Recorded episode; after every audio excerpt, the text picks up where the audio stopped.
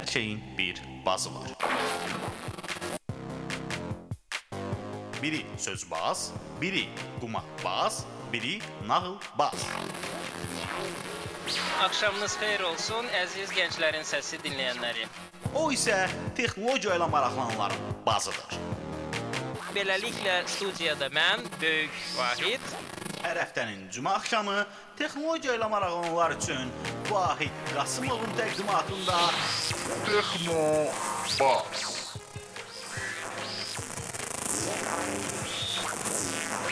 texnologiya ilə bağlı hər şey. Texnobazda.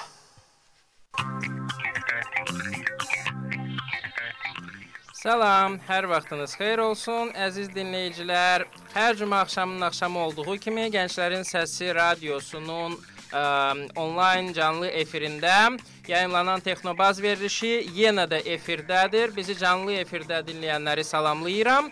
İlk dəfə dinləyənlərin nəzərinə çatdırmaq istəyirəm ki, Gənclərin Səsi onlayn radiosunun efirindəki Texnobaz verilişi texnologiyaya marağı olan gənclərə ümumdünya texnologiya xəbərləri, yerli texnologiya yenilikləri və milli texnologiya həyatı haqqında bir-birindən maraqlı qonaqlarla müxtəlif mövzularda biz söhbətlər aparırıq. Əvvəlki verilişlərə qulaq asa bilməyənlər ə, heç narahat olmasınlar. csr.fm saytımıza daxil olub orada arxivdə bütün verilişlərimizi tapa bilərlər. Sizə bir ə, şey maraqlı bir fakt nəzərinizə çatdırım ki, hal-hazırda verilişimizdə düz 50 dənə veriliş var arxivdə. Yəni ki, bu hal-hazırda 51-ci verilişimizdir. Ə, bu həftənin gündəmində texnologiya ilə əlaqədar bir xeyli çox intensiv bir həftədir. Hər halda ə, hər halda, hər halda prezidentimizin ə, informasiya texnologiyalar ili elan ə, elədiyi 2013-cü ilin axırında hər kəs ə, bunu yada salıb və çalışdılar ki, bütün tədbirlərini il qurtarmamış həyata keçirsinlər. Onun üçün də bu həftə həm informasiya təhlükəsizliyi konfransı baş verib, həm internet idarəçiliyi forumu ə, dünən öz işini yekunlaşdırıb. Həm Bakutel sərgisinin ə, sabahları son günüdür. Onun üçün də demək olar ki, Azərbaycanın İKT ilə əlaqədar olan bütün işçilər hal-hazırda sərgilərdədir, konfranslardadır, forumlardadır, çox məşğuldurlar və biz elə bir nəticəyə gəldik ki, gündəmdən ümumiyyətlə heç bir əlaqəsi olmayan bir mövzu barədə bu günləri söhbət aparaq. Hərçənd bu gündəlik olaraq bizim tez-tez qarşılaşdığımız mövzudur və mən elə fikirləşirəm ki, hər kəsə maraqlı olacaqdır. Anonsları izləyirsinizsə, bilirsinizsə bugünkü verilişimizin mövzusu Adobe texnologiyalarıdır və bununla əlaqədar da bugünkü texnobazımız qabağımda oturan Rüstəm Həsənovdur. Rüstəm Həsənovu tanımayanlar bu dəqiqə o fürsəti ə, o, o verəcəyik ki, Rüstəm özünü tanıtsın. Zəhmət olmasa özünü elə təqdim elə ki, başa düşsünlər nəyə görə bu mövzu ilə əlaqədar studiyada məhsən oturmusan. Salam Vahid müəllim, mən Salam. Salam. salamlayıram. Efirimizi dinləyən tamaşaçılarımızı da salamlayıram. Özümü qısa olaraq təqdim edim. Rüstəm Həsənov, Adobe, Adobe Azərbaycan istifadəçi qruplarının rəhbəri. Hə, onu necə düzgün demək lazımdır? Adobe yoxsa Adobe yoxsa Adobe? Ə, yox, Adobe deyək daha doğrusu. Aha. Yəni mənim türkçədən gələn bir öyrənmə keçmişim olduğuna görə Aha. fərqlənir. Ə, Orijinalda bəs elə Adobe gedir yoxsa Adobe gedir. Adobe gedir. Ə, yaxşı getsin. Ə, Daha doğrusu gəlsin. Ə, Nədir bu Adobe ola bilsin ki, elələri də var ki, ümumiyyətlə birinci dəfə bu vətəndaşın adını eşidiblər. Ə, belə deyək, ümumiyyətlə mən inanmıram ki, bizi dinləyənlərdən kimsə bu adla ilk dəfə rastlaşsın. Çünki Adobe artıq 30 illik keçmişə ə, sahib bir firmadır və bu gün sektorda, yəni ən azından kompüter açmış hər bir kəs onun bir məhsulun ən böyük məhsulu admiral gəmisi olan Photoshopla rastlaşıb. Aha. Belə olaraq qısa olaraq Adobe-ni təqdim etmək yəni gəlirsə belə təqdim edərdim ki, Adobe 30 ildir fəaliyyət göstərən və dünyanın sektor lideri 10 böyük qrafik dizayn proqramını istehsal edən firmadır. Aha.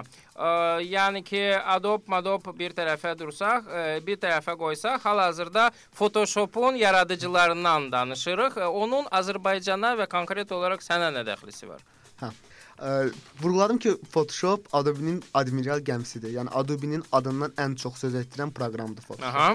Və Ə, və Photoshop Adobe-nin vizyonunda Photoshopun çox böyük əhəmiyyəti var və istifadəçi kütləsi baxımından da Photoshop lider proqramdır. Ümumiyyətlə Adobe proqramlarının içərisində həmçinin bu statistika Azərbaycana da şamil edilir. Azərbaycanda da ən çox istifadə edilən proqram Adobe Photoshopdur. Ümumiyyətlə Photoshopdan başqa onun qədər məşhur ə, belə deyək də raster qrafik redaktoru mövcuddur ya yox? Məsələn, tutalım ki, Microsoft Office-i bəyənməyənlər gedib tutalım ki, Open Office istifadə eləyə bilərlər. Ya bunun alternativi varmı? Ə, yəni sektorda kifayət qədər raster edit etmək üçün lazımı gələn proqram var, amma heç biri Photoshopla rəqib deyil. Yəni bu qəbul olunmuş bir məntiqdir. Məsəl üçün, yəni ki, o proqramlar hansılardır? Hansılar ki, Photoshop-a rəqib olanmırlar, amma demək olar ki, həmin işləri görürlər. Paint Yox, yox, bəs nə? Yox, yəni reklam olmasın deyə çəkmək istəmirəm. Sadəcə olaraq Fərqi yoxdur. Biz yəni bu belə qəbul olunmuş standartdır. Aha, qəbul olunmuş standartdır. Tutalım ki, am, belə deyək, qeyri-ənənəvi bir ə, sualdır Azərbaycan üçün. Ə, Photoshopla məşğul olmaq istəyən insan ə, onu hardan necə əldə edə bilər? Ə, yəni öyrənə bilər yoxsa əldə edə bilər? yox, əldə edə bilər proqram olaraq. Əvvəlcə ondan danışaq. Yəni proqram olaraq çox Ümumiyyətlə təəssüf lisenziyası nə qədərdir? Neçəyədir? Ə, çox gözəl. Milli sualdır, Hə, milli neçə- sualdır, neçə neçə almışıq, almaq hə. olar. Ə, ümumiyyətlə belə deyim ki, Adobe ə, yəni keçdiyim 2000 bu ilə qədər bütün proqramların paket halında satırdı müştərilərinə. Amma bu il ümumiyyətlə bütün şirkətin satış politikasında, satış siyasətində tamam fərqli bir dəyişiklik edildi. Paketli satış ləğv olundu. Mhm. Yerinə abunəli sistemə keçildi. Nə deməkdir paketli satış, nə deməkdir abunəlik Yəni paketli sistemi? satış budur ki, siz ə, müəyyən bir məbləğ ödəyirsiniz distributora və sizə qutu halında bir proqramın diskini verirlər. Aha. Yəni bu ə, satış siyasətindən də vaz keçməyə bizim vadar eləyən nə oldu şirkət olaraq? Birincisi bu çox ənənəvi üsul idi və yəni günümüzdən əyaqlaşmayan bir şeydir və bir fakt da var idi ki, yeni şirkətlər məsəl üçün misal olaraq göstərə bilərəm ki, Apple artıq o istehsal etdiyi kompüterlərdə disk oxuyucularından istifadə etmir. Aha. Yəni bu da istifadəçilər üçün böyük bir problem yarada bilirdi. Həm də ki, digər bir problem var ki, istifadəçilər proqramların güncəlləməsi üçün, yəni update olunması üçün Mhm. 11-18 ay kimi bir müddət gözləyirdilər. Amma abunəlik sistemində tamam fərqlidir. Yəni yeni bir funksiya, özəllik proqrama əlavə olunan kimi anında güncəlləmə gəlir. Və yaxşı, bi- birincisini axı hardansa əldə etmək lazımdır. İndi ona gələk Adobe hal-hazırda e, Photoshop hal-hazırda müstəqil olaraq da satılır Adobe-nin mağazasında e, və e, Creative Cloud paketin içindədir. Və Creative Cloud paketinin hal-hazırda dünya üzrə qiyməti harsa bizim pulla, yəni dollar Azərbaycan manata çevirəndə aylıq 38 manat bir məbləğdir. 37 ədəd Adobe proqramı istifadə edə bilərsiniz. Təklikdə Photoshop-u da almaq olar. Onun üçün də yəni daha münasib qiymət var. Aha, əslində prinsipcə belə baxsaq heç də bahalı deyil. Yəni əlbəttə bağlı deyil. Siz fikirləşin ki, dünyada ən məşhur 37 proqram, onlarca mobil application, ə, social network var ki, Behance social network var ki, Adobe də onu alıb öz ə, tərkibinə qatdı, Creative Cloud ailəsinə qatdı. Mhm. Ə, Type kitimiz var bizim məhsul olaraq 40 min font var içində. Mhm. Yəni ə, və sizə plus bunların yanında 100 GB-lıq onlayn cloud veririk fayllarınızı saxlamaq üçün. Yəni siz hətta ə, yəni aktiv üzvlüyünüzü yenidən, yəni ödənişli sistemə keçməsəniz belə o fayllar orada mühafizə olunacaq 5 il müddətinə. Mhm. Bunlar fikirləşin. Daha sonra va- istə 5 ədəd saytı hosting eləyə bilirsiniz Creative Cloud paketin içində və Mhm. istədiyiniz qədər Apple platforma, iOS platforması üçün application yarada bilirsiniz. Və bunların hamısının müqabilində aylıq hardasa 38 40 ə, manatlıq ə, pul ödəmək lazımdır. O pul necə ödənilir? Onlayn bir Əlbəttə ki, şəkildə kredit kartı ilə harasa. Onlayn ödəmək olar creative.adobe.com saytından əldə edə bilərsiniz. Bunu amma çox təəssüflər olsun ki, Azərbaycan üçün Adobe mağazası yoxdur. Yəni biz hal-hazırda buna çalışırıq ki, milli mağazamız olsun və milli valyutana satış orada olsun. Mhm. Həmçinin proqramlarımız öz milli dilimizdə olsun. Hal-hazırda Amerikan yəni bu yöndə danışıqlar Çox gedir. xahiş eləyirəm. Proqramları Azərbaycan dilinə çevirməyin. Çünki mən Azərbaycan dilində hər hansı bir proqramı gördüyüm zaman onu istifadə edə bilmirəm artıq. Yəni Yəni Aa. ən azından proqram çevrilməsə belə portal Azərbaycanda çevrilə bilər. Hə, olsun, olsun. Bu ə, cloud ə, sözü son vaxtlar çox müasir, ə, daha doğrusu hö, çox ə, tez-tez istifadə olunan bir şeyə çevrildi. Bulut texnologiyalar, nə bilim, nə bunun nə əlaqəsi var axı? Adobe-nin Hə, əlaqəsi var. məhz Creative Cloud yaxşı, qavaqlar Creative Suite idi. Onu bir qədər başa düşürdük. İndi Creative Cloud ancaq və ancaq internetdə olduğuna görəmi belə bir ad veriblər? Yox, ümumiyyətlə ə, bulut texnologiyası, cloud texnologiyası internet cəmiyyətinin son dövrlərdə çox adından danışılan bir texnologiya çevrildi. Belə deyək də, birincisi faylların mühafizəsi üçün mənim fikrimcə bu yaxşı bir texnologiyadır. Yaxşı yönündən şərh oluna bilər bu texnologiya. İkincisi də ki, ə, yəni update baxımından, yəni proqramlara gələn anlıq güncəlləmələr baxımından mənim fikrimcə Adobe bu addan istifadə elədi. Hı -hı. Aydındır. Yəni ki, müasirliyə ə, çalışır ki, riayət eləsin. Amma bir şey üzr istəyirəm, bir şey də vurğulayım ki, yəni Adobe-nin təklif elədiyi cloud sistemi, yəni sırf depolamaq üçün, nəysənsə saxlamaq üçün təklif elədiyi cloud sistemi digər cloud sistemlərinə, yəni ə, sektorda rəqib olan Dropbox ə, və yaxud da Box.com kimi servislərdən fərqlənir. Çünki bu sistem bütün Adobe uzantılı fayllarla tam inteqrasiya şəklində işləyə bilir. Hı -hı. Lap yaxşı. Ə, bir dənə sual. Tutalım ki, qabaqlar belə bir şey var idi ki, proqramın lisenziyasını almamışdan əvvəl elə bir imkan var idi ki, heç olmasa onun demo versiyasını install edəsən, bir qədər vaxt ə, istifadə eləyəsən və bir ay ərzində tutalım ki, baxasan bu sənin işinə yarayır, yaramır. Yəni hal-hazırda belə bir ə, əgər yeni ə, abunəçilik sisteminə keçilibsə, həmin imkan ə, necədir? Hələ çox gözəl sualdır yenə də. Təşəkkürlər sual üçün. Belə deyim, əvvəllər Adobe proqramları Master Collection-ın və yaxud da digər collection-ların tərkibinə gələndə 30 günlük demo müddət verilirdi sizə. Ə, Bu demo müddət hələ də mövcuddur. Yəni Creative Cloud ailəsinə daxil olan istənilən proqram və yaxud da proqramların hamısını yüklədikdə sizə 30 gün istifadə imkanı verilir. Əgər siz proqramları yüklədikdən dərhal sonra 1 il lisenziya əldə etsəz, sizin lisenziya müddətiniz 12 deyil, 13 ay olacaq. Yəni o 1 aylıq yenə ə, ödənişsiz istifadə haqqı. Ə, və proqramı axır ki, mən hardan əldə eləyim? Diskdə deyilsə download mu olmalıdır yoxsa Adobe-nin download cent- centerından yükləmək mümkündür. Photoshop-un həcmi nə qədərdir? Onun downloadu nə qədər çəkəcək? 2 gün, 3 gün. Yox. Yəni çox da deyil həcmi. Konkret olaraq deyə bilmərəm neçə meqabaytdır. Ə, Yəni platformadan platformaya dəyişir, amma 1 gigabaytdan çox az. Aha, 1 GB e, çox az, çox 1 yoxsa biraz az? çoxdur belə deyək. O hətta biraz 1,1 çoxdur. gigabayt. Vaxtsay, vaxtsay, vaxtsay. Yəni bir də Azərbaycan da e, internet keyfiyyəti şəraitində mənə elə gəlir ki, o çox qısa bir müddətdə download olmaz. Amma ki yenə də yoxlamaq lazımdır nə qədər vaxt çəkəcək. Yaxşı. Ə, bu proqramı download elədik. Bir ay ərzində istifadə edə bilərik. Sonra pulumuz çat Tam tapılmasa, funksiyalarından istifadə edə bilərsiniz. hə, tam funksiyalarından istifadə edə bilərik. Sonra nə baş verirdi? Ə, Sonra yəni qanuni yolla yəni 1 aylıq müddətdə istifadə edirsə proqrama girmək mümkün olmur. Aha, mümkün olmur. Bəs mən onu uninstall eləsəm, təzədən download eləsəm, Yox, olmur. başqa akkauntla ə, qeydiyyatdan keçsəm, download eləsəm, Hə, yəni başqa akkauntdan girib başqa ə, yəni fərqli bir kompüterə yükləsəz ola bilər. ha, fərqli kompüterə yükləmək lazımdır. E, yoxlamaq lazımdır, yoxlamaq Klaks lazımdır. yoxların deməsə. Hə, ə, təbii ki. Bura Azərbaycandır. Biz öyrəşməmişik hansısa proqrama görə pul ödəməyi, hətta cüzi bir miqdar məbləğ olsa belə. Elə- Ə, nəysə, ə, tutalım ki, proqramı əldə etdik.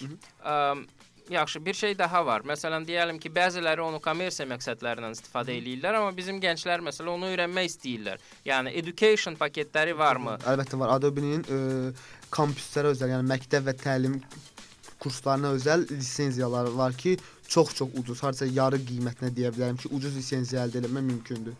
Yəni ki, bu Yəni və- təhsil və e, göstərən müəssisələr üçün, Xeyr, yoxsa həm tədris təhsil- məqsədli öyrənənlər həm üçün? tədris məqsədli öyrənən tələbələr, həm də ki təlim edən, yəni təlimçilər üçün də keçərlidir bu lisenziya. Aha.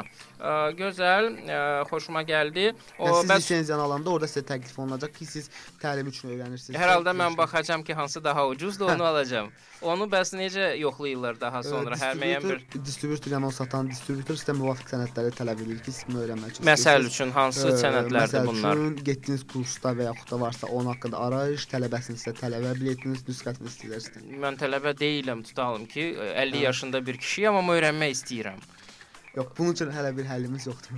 Aha, həlliniz yoxdur. öyrənə bilərsə öyrənmək üçün E, getsin. Yaxşı, bir də ki, tutalım ki, Azərbaycanda getdiyim bir kursdursa, a, onlar da mənə verəcəklər Azərbaycan dilində bir arayış, onu distributor qəbul eləyəcək. Xeyr, təsdiq qəbul etməyəcək. Səbəbi nədir? Çünki Azərbaycanda Adobe mağazası yoxdur. Siz ya ən yaxın variantda Türkiyədən yaxud da Rusiya mağazalarından satışa Yəni əməliyyatını reallaşdıra Nə bilərsiniz. bir dəqiqə, bəs lisenziyalar onlayn alınmır. Onlayn alına bilər, amma sizin o sırf dediyiniz paketdən yararlanmaq olmur tələbələr üçün olan paketdən. Heyf, heyf, çox heyf. Ə, nə vaxtı dediniz Azərbaycana gələcək bu? fikirləşirik. Bax, gələn il təxminən bu vaxtda inşallah biz ofis açmalıyıq. Gələn ilin bu vaxtı 1 il Bəli. sonra olacaq. Yəni 1 il oturuq Yəni gözləyək. nəzərə alsaq ki, proses çox mürəkkəbdir, məncə gözləməyə dəyər. Yaxşı gözləməyə başlayaq. O vaxta qədər də ümumiyyətlə heç bir şey ödəməyəcəyik. Yəni ki, Adobe çalışsın ki, ə, bir qədər tez ə, bu prosesi ə, tezləşdirsin bir qədər ki, Azərbaycan cəmaəti də rahat bir şəkildə lisenziyalı produktlardan istifadə edə bilsin. Tutalım ki, əldə etdik bir şəkildə Adobe-umuz, Photoshop-umuz daha doğrusu kompüterimizdə var. Öyrənməyi başlamaq istəyirik, çünki eşitmişik ki, çox faydalı bir proqramdır. Photoshop-u bilən rahat bir şəkildə özünə iş tapa bilər. Hə, öyrənmə prosesi necə baş verməli idi? Azərbaycanda məsləhətli kurslar, yoxsa Azərbaycan dilində hansısa kitab, yoxsa hansısa sayt hardakı onlayn dərsliklər var? Nə tövsiyə edə Ə, bilərsən? Mən deyim ki, birincisi Photoshop-u öyrənmək məncə dünyanın ən asan işi olmalıdır. Çünki internetdə kifayət qədər məlumat var bu yöndə. Yəni baza illər ərzində formalaşdı. Yəni bu 20 il ərzində kifayət qədər Photoshop öyrənmək haqqında məlumat var internetdə. Amma siz belə yəni daha professional öyrənmək istəsəniz Adobe-nin televiziyası var. tv.adobe.com saytına girib baxa bilərsiniz. Dildədir? ə, ingiliscədə amma bəzi dillərdə tərcümə var. Məsələn, fransız, alman dillərinə tərcümə var.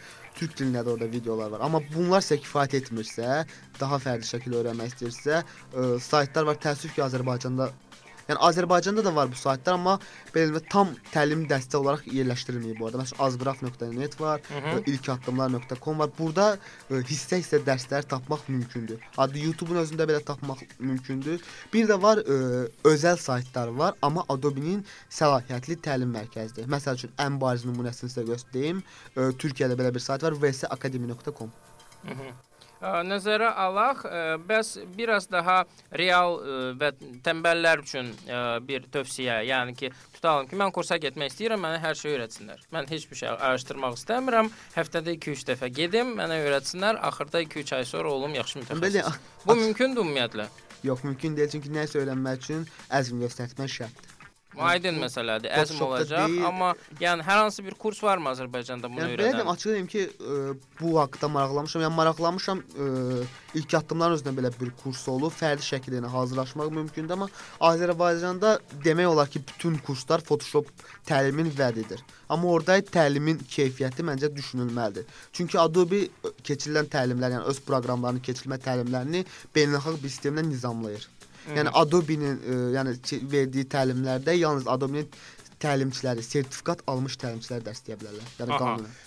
Yaxşı, gözəl sualdır. Növbəti bir suala elə bil ə, hazırlaşma oldu. Həmin ə, sertifikatı Azərbaycan şəraitində harda əldə etmək olar? Ə, yəni Antarktidada olsaq belə bu sertifikatı əldə etmək olar, çünki hər şey prosesor onlayn şəkildə gedir hal-hazırda. Yəni şirkət saytlar var ki, Adobe-nin də özünün certificate.adobe.com-dan yenə baxa bilərsiniz bu şərtlərə. Ə, amma yenə təəssüf ki, bu dünyada yalnız ingilis dilində aparılır, alman və fransız üç dildə aparılır bu sertifikatlaşdırma mərhələsi. Hı -hı. Ə, orada müəyyən proqramlar var ki, proqramların hamısı üzrə təlimçi sertifikatı almaq olmur təəssüf ki.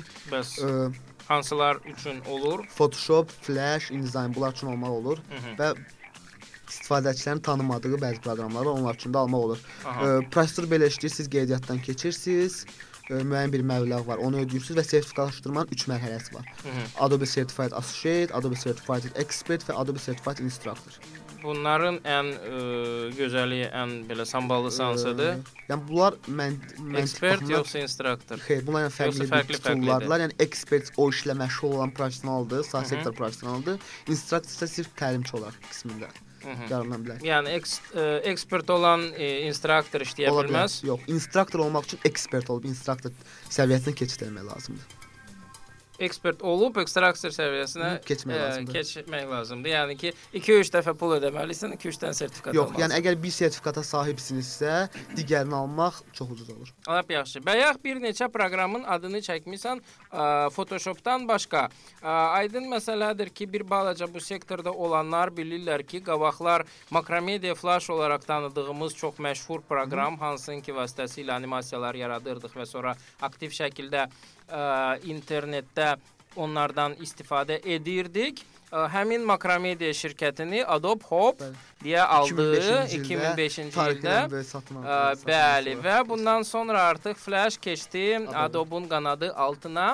Ə, Flash barədə də bir balaca söhbət eləyəcəyik, amma həmin söhbətə başlamamışdan qabaq mən istəyirəm balaca bir musiqiyə qulaq asaq, ondan sonra söhbətimizə davam edək.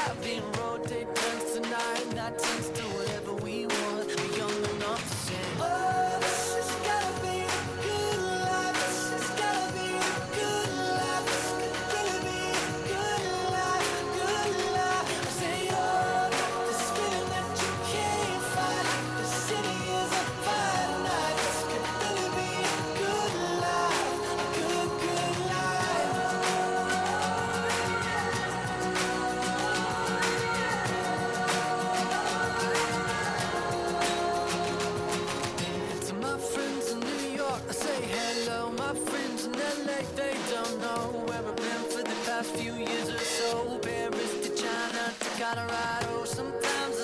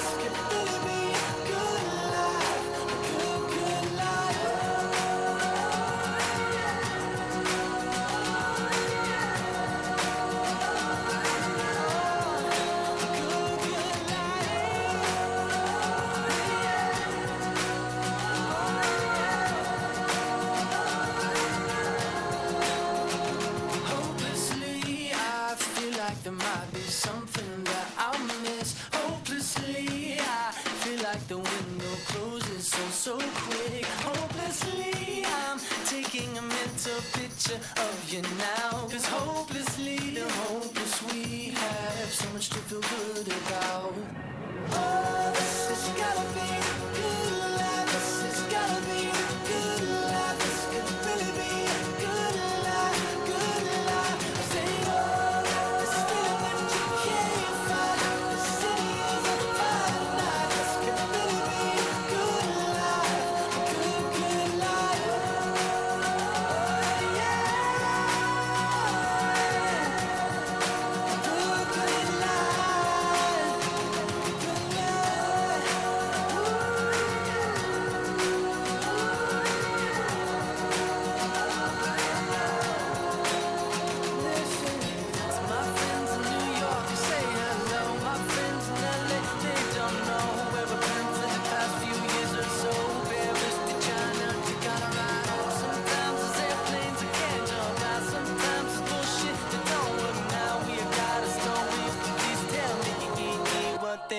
complain about.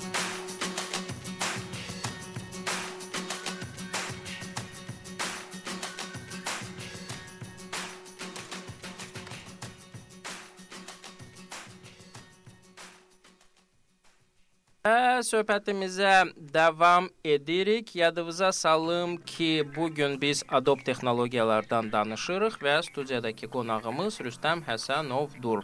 Hansı ki, texnologiyaları Azərbaycana rəsmi olaraq gətirməyə çalışır ki, burada ofis açılsın ki, bizim bir xeyli işlərimiz ə, yüngülləşsin bu barədə. Ə, bu arada ə, dinləyicilərimiz dinləyicilərimizdən 2 dənə sual gəlib. Orxan Abbaszadə yazır ki, məncə crack istifadə etməkdənsə bir aydan bir kompüteri format edib bir aylıq trialdan istifadə etmək olar. yəni bu mümkün var ya. mümkün variantdır. Gözəl. Ə, deməli və həmin ə, adam bir xeyli belə deyək də ə, iştiyaqlıdır hər halda. Yazıb ki, Photoshopun həcmi 1 GB-dırsa, 2 megabit saniyədə internet çıxışı olan kompüterdə 90 dəqiqəyə yükləmək mümkündür. Yəni 1 saat yarıma bunu etmək olar. Ə, sonra sonra sonra sonra vəsə bu bu qədər yazırlar ki, dinləyirik və dəstəkləyirik. Bunu yazan yəqin ki, Twitterdə Rauf Mərdiyevdir. Səhv eləmirəmsə, dəstək gəlir irəlidən. Təşəkkürlər. Ə, hə. Ə, Və davam edirik. Mən ə, deməli biz flash məsələsinə biraz keçid elədik və mən bu ara bir balaca adobe.com ə, saytına baxdım. Download hissəsində ə, əsas menyuda 3 dənə produkt var. Əvvəlcə gəlir Adobe Flash Player, ondan sonra Adobe Reader, ondan sonra Adobe Air. Okay. Ə, Photoshopun ümumiyyətlə ə, adı, çox familiyası gözəl, çəkilmir. Ə, Səbəb səbəb isə çox sadədir. Çünki Aha. onlar adının pulsuz olaraq təqdim etdiyi proqramlardır. Aha. Və top 3 listində yer alır. O proqramlar ki, hansı ki, onlar istənilən, yəni belə istifadəçi girib ödənişsiz olaraq yükləyə bilər. Mhm. Ə, Bu Adobe Flash Player nə işə yarayır? Adobe Flash Player Flash Professional proqramı ilə hazırlanmış və yaxud da digər proqramlarla hazırlanmış yekun eksportu Flash faylı olan ə, belə, yəni yekun eksportu Flash uzantılı olan faylları brauzer üzərində işlətməyə yarayır. Baxsay, tarix nadir oxumayanlar üçün başa salaq ki, e, flash roliklərin browserda görməyiniz üçün flash player lazımdır. Onun Sadəcə üçün rəsmi e, yəni tərcüməsi belə olursa. e, hə, əgər özünüz f- Adobe proqramları ilə işləmirsiniz belə, onların nəticəsini görmək üçün buna ehtiyac var. A, Yerdə qalan 2 dənə produktun e, funksiyası nədən ibarətdir? Bu Adobe Reader nədir? Adobe Reader PDF fayllarını oxumaq üçün istifadə edəcəyimiz proqramdır. Ə, yəni dünya çapında məşhur olan bir proqramdır. bəli, PDF formatını böyük ehtimal eşitmisiniz.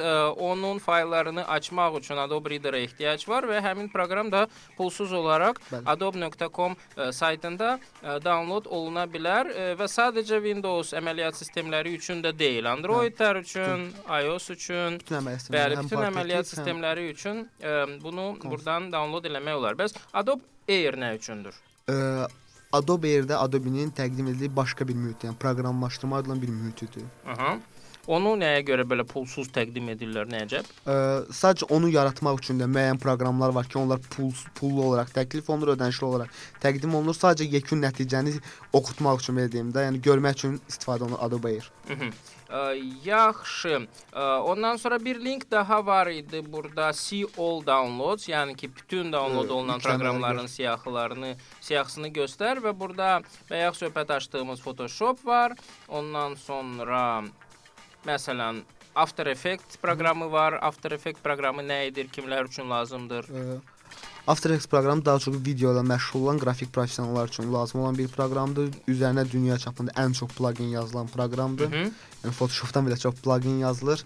Effekt düzəltmək üçün proqramdır. Yəni Video, montaj. Xeyr. Yəni bu sualı çox alırıq. Yəni bu sual Adobe-də belə bir bloqunda maraqlı bir məqalə var ki, dünya çapında evangelistlərin ən çox aldığı suallar. Yəni bu sualla orada var idi. After Effects ə, video montaj proqramı deyil, video effekt proqramıdır. Aha. Yəni ki, ə, yəni ki nə? Video rolikləri nə etmək olar ondan? Sadəcə olaraq video effektlər yaratmaq mümkündür. Video Əgər effektlər video rolik montajlamaq, qurğu eləmək istəyirsə Premiere adında bir proqramımız var. Aha, Adobe Premiere vasitəsilə ə, montajlayırsan, amma effektlərin özlərini yazı ə, hazırlayırsan A- A- Adobe After Effects-də. Yəni bunlardan bir hər iki proqramdan bir-birinə dinamik link vermək mümkündür. Okay, lap yaxşı. Ondan sonra Illustrator proqramı var. Yəni, Illustrator Adobe-nin ən keçmiş tarixən məxsus proqramıdır. Belə deyək.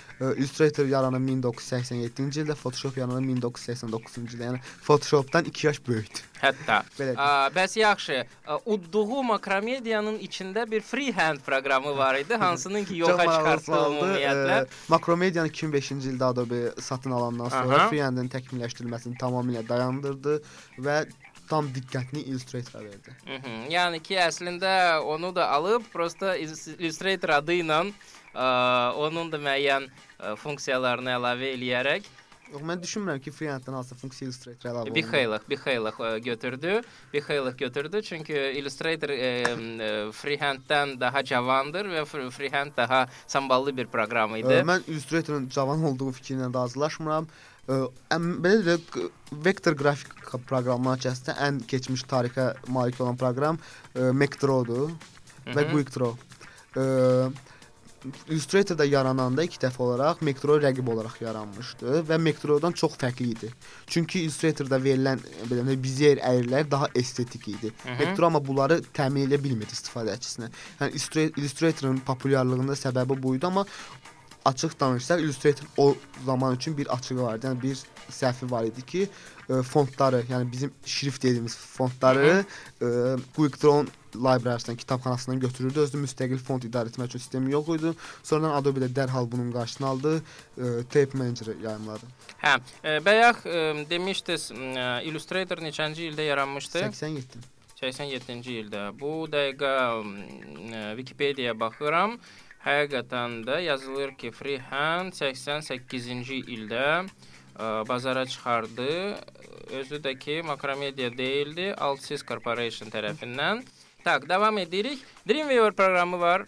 Bəli. Onun adını bir xeyli eşidiblər yəqin ki, o da Macromedia-dan gələn bir Bəli, proqramdır. Macromedia tərəfindən gələn bir proqramdır. Amma Adobe ə, Dreamweaver-ı alanı, Macromedia-nı alandan sonra Dreamweaver-ın təkmilləşdirməsinə böyük diqqət yetirdi. Macromedia dövründə Dreamweaver veb sayt kodlamaq üçün proqram olaraq şərh olunursa, Adobe dövründə intibah dövrünü yaşadı və universal kod editoru olaraq tanınırdı. Ə, Bəs yaxşı, bir dənə də proqram var InDesign, o da yəqin ki, nəsə weblə əlaqədar bir şeydir. Onların ə, çox nüsxəli çox nüsxəli çaplar üçün, çox nüsxəli çapların dizaynı üçün ə, hazırlanmış bir proqramdır. yəni Yəni InDesign-dan çox geniş məqsədlərlə istifadə etmək olar. Ə, məsəl üçün çox kitab çapı, jurnal çapı, Mhm. o iPad-lər üçün jurnalların hazırlanması və s.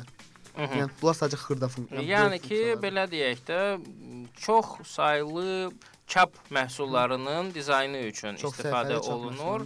Ə, Bəli, bunun məsələn rəqibləri arasında tutalım ki, Quark Express-i Evet, göstərsək, Quark ə, Express ə, yəni bir dövr üçün InDesign-ə rəqib sayılırdı, amma Creative Cloud sisteminə keçən sonra InDesign-ə yəni rəqib görmürəm mən Quark Express açıq olaraq çünki Mhm.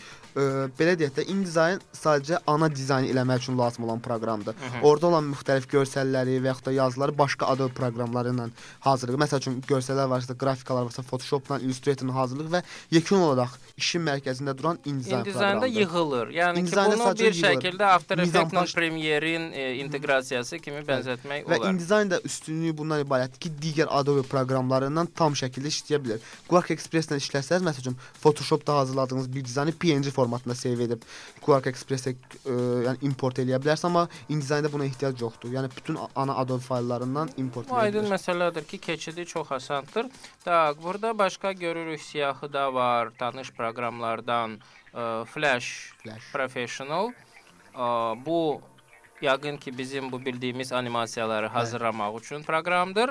Və heç tanımadığımız bir neçə proqram var. Məsələn, Audition var.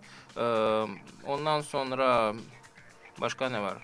Flash, Photoshop Lightroom var, Photoshop Elements. Bunlar yəqin ki, proqram deyil, ayrı-ayrı elementlərdir. Yox, müstəqil proqramlardır. Müstəqil proqramlardır. Yaxşı, onda onları da ə, bir balaca baxaq. Audition bu hər halda audio ilə, audio effektlərlə əlaqədar. Səs, səs proqram. Və axırda onu da Premiere əlavə eləmək mümkündür. Gözəl. mümkündür. Ə, Bəs bu e, Photoshop Elements və Photoshop Lightroom, Ə, Məncə onlar keçməzdən və istəyirəm Flash barədə biraz açıqlama verim. hı -hı. Ə, Flash ümumiyyətlə ə, Macromedia dövründən bilinən və istifadəçilər tərəfindən sevilən bir proqram idi. Amma Flash Adobe markası altına keçəndən sonra öz intibah dövrünü yaşadı, daha da təkmilləşdi. Digər Photoshop proqramlarının inteqrasiyası tam şəkildə tamamlandı. Ə, Amma son dövrlərdə Flash-in və başında qara buludlar əmələ gəlmişdi. Səbəbi isə Apple markası idi. Mhm. Çünki Apple markası ə, istəsələr də iPad-lərdə Flash dəstəkləmir. dəstəkləmirdi.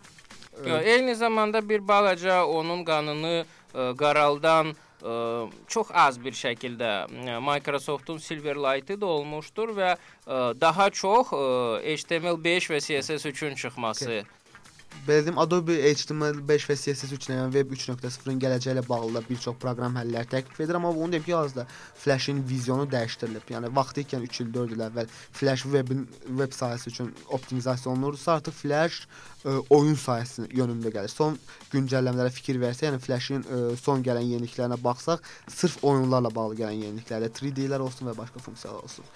-hı. Yəni ki, bundan sonra flash oyunları, hmm, amma yenə də iPad-lərdə oynaya bilməyəcəyik. Yoxsa bu istiqamətdə hansısa işlər gedir?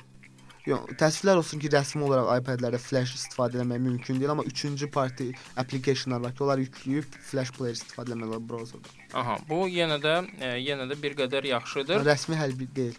Hı -hı. Bu görəsən nəyə görə bu qədər belə ə, rəqabət mühiti də yoxdur desən ki, Adobe hər hansı bir şəkildə tutalım ki, Apple-a rəqibdir. Yox, sadəcə Apple ə, bəhanə gətirir ki, mən bunu bəhanə gətirir deyə bilərəm ki, ə, bəhanə gətirirdi ki, flash istifadə edən texnologiya CPU-nu çox yük yükləyir və ə, batarya batarya israfçılığı olur. Aha. Aydındır. Ə, Öz deməli ə, hardver zəifliklərini onlar Adobe-un Adobe-dan çıxmaq istəyirlər. Ə, Bir dənə də sual vermək istəyirəm. Bununla mən bir neçə il bundan əvvəl rastlaşmışam belə bir problemlə.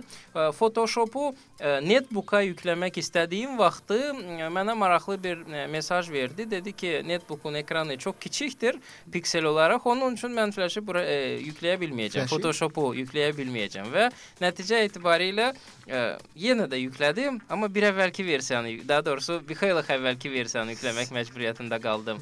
Yəni ki, 1.8. bunun yox, ə, Photoshop 5-i yüklədim mən bura hətta CS olmayan versiyasını. Ə, amma ə, yeni versiyaların ə, ekranın böyüklüyünü tələb eləməsi nə dərəcədə məntiqlidir? Bu nə üçün Yəni lazımdır? bu texniki bir məqamdır, amma düşünürəm ki, bunun ə, ekranın böyüklüyünə ə, əlaqəsi yoxdur. Bunun video kartla əlaqəsi var. Çünki Photoshopda minimal sistem tələbləri lazımdır ki, kompüterə yükləyə biləsən. Yox, elə məhz piksel ölçülərini bəhanə gətirdi. Yəni bəhanə o idi ki, 1024-də 768 olmalıdır. Netbookların çoxsunda 1024-də Yəni 600-dür. 1024-də 768 artıq qəbul olmuş bir standartdır. Hı, aydındır amma ki, Yəni netbook da bir kompüterdir əslində. Yəni burada netbooklara yönəlib bir şey deyil, bu qərəzli mövqeyimiz yoxdur netbooklara qarşı. Siz düşünün ki, illər öncə veb sayt hazırlayanda açırdınız səhifəni 800-ün 600 amma bu gün açırsınız 960-a. Hı hı. Minimumda daha yaxın olan bir rəqəmə. Bəli. Am, yenə də ə, qaydaq ə, bizim belə deyək də gənclərimizin bundan faydalanma mövzusuna ə, çox gözəl səviyyəli bir şəkildə öyrənmək üçün ə, izlənəsi yol hansıdır? Yəni belə deyək də, siz tutalım ki, bunun ə, qrupasını yaratmısınız, ə, hansısa əlaqələr saxlamaq istəyirsiniz. Ə, həmin qrupada sertifikat sahibi olanlar varmı? Var. Neçə nəfər hansı sertifikatlardır? Hal-hazırda Azərbaycanda bir nəfər o sertifikat alan var. Mənəm o da Adobe sertifikat ekspert sertifikatı Aha. var. Photoshop üzrə, Photoshop CS5 üzrə. O ə, sertifikatın mövcudluğu sənə tutalım ki, karyerada ə, nə şəkildə köməklik gö- edir? Yəni hər hansı bir əhəmiyyəti var onun üçün? Əlbəttə ki, var, amma yekun nəticədə məncə Azərbaycandakı biznesmenlər sertifikata yox, işdəki yetun, yetun nəticəyə baxırlar ki, siz nə istəsəniz düzəldib hazırlaya bilirsiniz. Ə, yəni ki, bu sertifikatın onda Yəni, əlbəttə ki, sənin üçün ə, əhəmiyyəti nə olub? Yəni sertifikatın Niyə? şəxsən mənim üçün ə, vizyon baxımından əhəmiyyəti var ki, mən beynəlxalq bir sertifikata sahibəm. Yəni, Azərbaycanda yeganə mənəm, mən Hə. məndən Yəni, yaxşı yoxdur. özümü təqdim edə bilirəm bu sayədə. Aha. Açıq danışsaq. Ə, Başqa da heç bir üstünlüyü Yəni yoxdur. Azərbaycana yeni gəlməsi ilə bağlıdır formatı. Sadəcə yaygınlaşmır ki, belə bir sertifikat tələb edin. Baxın, Microsoftun sertifikatları var ki, bir çox Hı -hı. iş yəni qurum bunu tə, ə, tələb edir Bəli. və kifayət qədər bunda yəni sahibi olan Azərbaycanda var insan. Hı -hı. Adobe sertifikatları ə, Microsoftun yəni sertifikatlaşma sistemindən qat-qat yaxşıdır. O sertifikatı əldə etmək üçün sən necə hazırlaşırdın ümumiyyətlə? Ə, hazırlaşma Sadəcə prosesi belə bir şey deyim, orada aparır? ə, insanlar üçün açıqlama mətni var. Yəni hazırlaşmaq üçün konkret deyim, proqramın bütün funksiyalarını bilmək lazımdır. Bu kifayətdir. Yəni Yox, belə deyim, e, tutam ki, Photoshopdan siz proqram sertifikat almaq istəyirsinizsə belə gətirək. Photoshopu hal-hazırda Azərbaycanda öyrənən insanlar, Azərbaycanda dünyada öyrənən insanlar iki yöndə öyrənirlər. Bir var fotoqraflar üçün Photoshop, digəri də var ki, dizaynerlər üçün Photoshop. Hı -hı. Amma yəni sertifikat alma mərhələsində bunun fərqi yoxdur. Photoshop sadəcə olaraq Photoshopdur. Amma Photoshopun bir başqa bir növü daha var. Yəni tutalım ki, Photoshop üçün pluginlər yaratmaq və ya məsələn ə, hansısa nə bilim brushlar yaratmaq və s. yəni bu onun elə bir pərdə arxası işləridir. Xeyr, Bunun yəni, mən düşünmürəm ki, Photoshop üçün brush yaratmaq pərdə arxası bir işdir. Yəni istənilən belə deyim də dizaynı Photoshopda brusha çevirmək mümkündür. Ə, yaxşı, yenə də mən sualı təkrar edirəm, onun tam cavabını Tam alamadım. verim. Hazırlaşma mərhələsi nə qədər ə, Ə, alır? Hazırlaşma mər mərhələsi üçün konkret bir tələb qoyulmur. Sadəcə mən məsləhət verə bilərəm ki, ən az 2 il proqramı işlətməyə məsləhət verirəm ki, onun həm də bütün məqamlarına ə, sahib olasınız, tam proqram üzərində hökmranlıq eləyə biləsiniz. Hı -hı. Ə, və imtahana hazırlaşmamışdan daha öncə ə, help menüsü var ki, kömək menüsü var. Açsa açsaz onu və diqqətlə incələsəz bütün başlıqları yaxşı ola bilər. Bəs yaxşı. Ə, ən son məqamda onları da incələdikdən sonra kimsə gəlib tutalım ki, məsləhətləşmək istəsə səndən ki, hansı məsləhətlər verərsən, ə, onu ona nə şəkildə baxırsan? Köməklik yəni, göstərəcəksən? fərdi olaraq bir məsləhət verə Yoxsa bilərəm ki, deyəcəksən ki, yox, yox, o, onlayn imtahana girəndə ə, başqa ə, vkladkada Google Translate aç. Aha, yəni ingiliscədə problem Bəli. ola bilər. Yəni orada nəticə var Shakespeare ingiliscəsindən düşmür düzdür? Hı hı. Ə, suallar normal ingiliscəsinə düşür və onu ən azından orta ingilisli bilən insan o sual anlayıb cevablaya bilər. Sadəcə elə suallar var ki, sırf onlar ə, proqramla bağlı deyil. Məsələn, düşə bilər ki, qızıl qayda nədir? Məsələn, üçbucaqlar prinsipi nədir? Belə suallarda. Onların ə, Photoshopa nə dəxli- dəxlisi var? O Yəni sadəcə qrafika ilə bağlı olduğu üçün dəxli ola bilər. Mən, mən belə düşünürəm hər-halda. Bunun səbəbini aydınlaşdırmamışdım da əvvəl. Aha. Yəni həmin imtahan test üsulu ilədir. Yəni Ümumiyyətlə verilir. sertifikatlaşma mərhələsindən keçəndə öz daxilində eləmədi bunu. Fikirləşin ki, Azərbaycan modelinə baxsaq, TQDK var ki, sırf ə, imtahanlarla onların imtahanlarını məşğuldur. Yəni keçirdi. üçüncü şirkətlərə verdi bu imtahan və sertifikatlaşdırma işini. Ə, Aydındır. Sən Azərbaycandan başqa bir ə, qaqaşın və ya xanımın, qızın çıxıb ə, ikinci bir sertifikat almağına sevinərsən yoxsa Yox, əlbəttə ki, sevinərəm. paxıllıq eləyərsən? Əlbəttə ki, sevinərəm. Mən yəni ə, bu işə sonunda əziyyət çəkən insana bu yöndəki Azərbaycanda da bu şirkət yaygınlaşsın, məhsulları tanınsın. Hı -hı. Yəni çox məmnun olaram. Hətta komandamıza bir əlavə eləyə bilərəm. Hə, çox gözəl. İnşallah bizim ə, verilişimizin vaxtı heyif ki qurtarır. Son 1 dəqiqə ərzində sertifikat almaq istəyən və ya Adobe məhsullarının hər hansı birini ə, hər hansı birinə yiyələnmək istəyən ə, cavanlara nə tövsiyə eləyərsən? Qısaca tövsiyələrini alaq və Qısa bir dəqiqə ərzində deyim Aha. ki, ə, sertifikat almaq istəyənlər proqram üzərində, yəni tələsməsinlər sertifikat almaq üçün proqram üzərində işləsinlər, ustalaşsınlar. Ə, Daha sonra Adobe TV var və yaxud da digər 3-cü Lian.com kimi təlim saytları var. Orada biliklərini artırsınlar. Yəni ə, proqramı almaq üçün də yenə sizdən xahiş edirəm ki, pirad yollardan qaçının, proqramın lisenziyasını əldə etməyə çalışın, çünki yaxın zamanlarda məncə bu dövlət səviyyəsində ni- nizamlanacaq lisenziya lisenziyası proqramlardan istifadə.